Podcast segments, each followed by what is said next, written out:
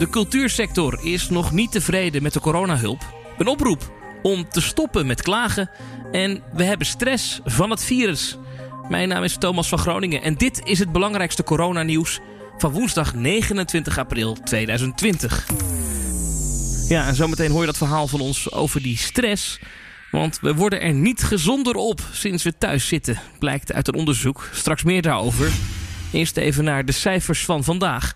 Er zijn 76 nieuwe coronapatiënten opgenomen in het ziekenhuis, meldt het RIVM. En dat zijn minder nieuwe patiënten dan gisteren gemeld. Toen waren het er nog 88. Het totaal aantal mensen in Nederland dat in het ziekenhuis heeft gelegen of weer thuis is sinds het begin van de uitbraak is 10.685. Nou, als we dan even kijken naar de doden. De afgelopen 24 uur zijn 145 doden gemeld bij het RIVM. En dat zijn er toch fors meer dan gisteren. Toen waren het er nog 48. Patiënten zijn niet allemaal in de afgelopen 24 uur overleden. Er zit een kleine vertraging tussen de dag van overlijden en de dag dat het overlijden wordt gerapporteerd. En ja, deze week begon met Koningsdag, waardoor een groot aantal overlijdens van dit weekend nu pas in de statistieken zit, maar toch een flinke stijging. 145 dus in de afgelopen 24 uur. Er worden ook nog steeds mensen getest op het virus. De afgelopen 24 uur zijn 386 mensen positief getest op COVID-19. En daarmee is het totaal aantal mensen in Nederland waarvan bekend is dat ze het coronavirus hebben of hebben gehad, nu iets boven de 38.000. En dan naar de cultuursector, want dat was de eerste sector die extra hulp kreeg vanuit de regering om de financiële schade van het coronavirus voor een deel goed te maken.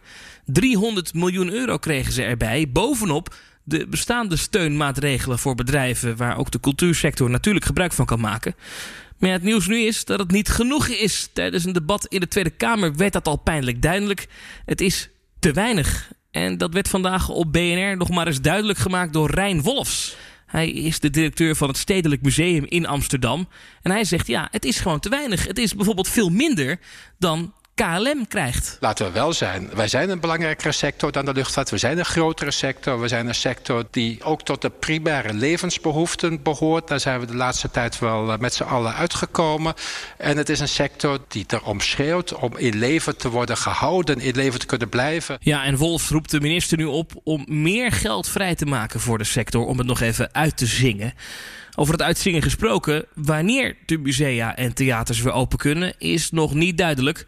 Wolfs denkt dat het stedelijk en ook andere musea uiterlijk 1 juni weer open kunnen. En misschien al zelfs op 20 mei. En dan naar een opvallende corona-oproep op LinkedIn die veel steun krijgt. Een horeca-ondernemer die oproept dat zijn collega's vooral moeten stoppen met klagen. Meer dan 11.000 likes heeft de oproep al gekregen. Het gaat om Dirk-Jan Stip. Hij is eigenaar van onder andere koffiezaak Coffee Corazon. En hij vindt het roepen om meer en meer overheidssteun vanuit de horeca slecht. Hij kan het niet goed verteren, schrijft hij.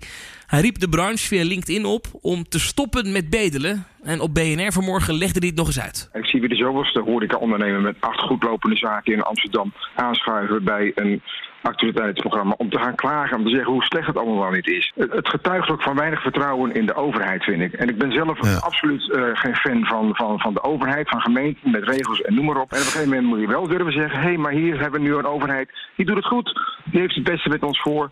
Ja, misschien moet je heel simpel eens een keer gewoon durven zeggen, dankjewel. Zij dus deze Amersfoortse horeca-ondernemer Dirk-Jan Stip. En dan tot slot, tijdens de intelligente lockdown worden we er niet gezonder op.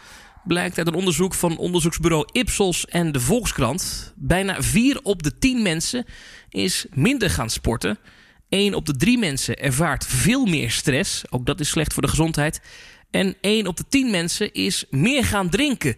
Terwijl de cafés gesloten zijn. En intussen blijven de ondervraagden wel net zoveel eten als normaal. Met dus minder beweging, meer alcohol. Kortom, een groot deel van de bevolking leeft nu ongezonder.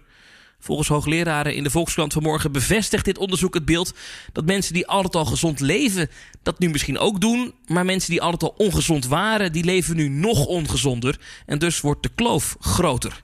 Verder opvallend, de ondervraagden zijn veel meer dan normaal bereid om te stoppen met roken. Ja, dat heeft natuurlijk alles te maken met de beelden die we zien hè, van de intensive cares. Waar veel longpatiënten aan de beademing liggen. En ja, als je dus rookt dan heb je een grote kans op complicaties bij corona. Maar ja, goed, die stress, dat is een probleem. Vanmorgen op BNR kwam een thuiswerkende voedingsdeskundige aan het woord, Guido Kamps. En ook hij zegt, ja, meer stress, dat herken ik wel. Vroeger, tussen elke vergadering, moest je tussen panden, tussen, uh, tussen ruimtes van je kantoor lopen. Maar nu zit je achter Zoom of achter Teams of wat dan ook. En die afspraken die zijn gewoon uh, heel kort achter elkaar doorgepland. Je blijft maar op die stoel zitten. Dus uh, aan mijn eigen stappenteller kom ik niet eens aan de helft van wat ik vroeger op kantoordag redde. En hij waarschuwt zichzelf en ons dus om erop te letten Anders knappen we straks massaal uit onze broek, vreest hij. En dat geldt ook een beetje voor uw favoriete podcastpresentator. Want ik moet zeggen, ik eet ook meer. En ja, dat thuiswerken en die podcast maken, dat is toch vooral een zittende aangelegenheid. Dus ik ga snel even een rondje maken buiten. Ik dank u weer voor het luisteren. Morgen is er gewoon weer een coronacast. Ik zou zeggen, tot morgen. Fijne avond en blijf gezond.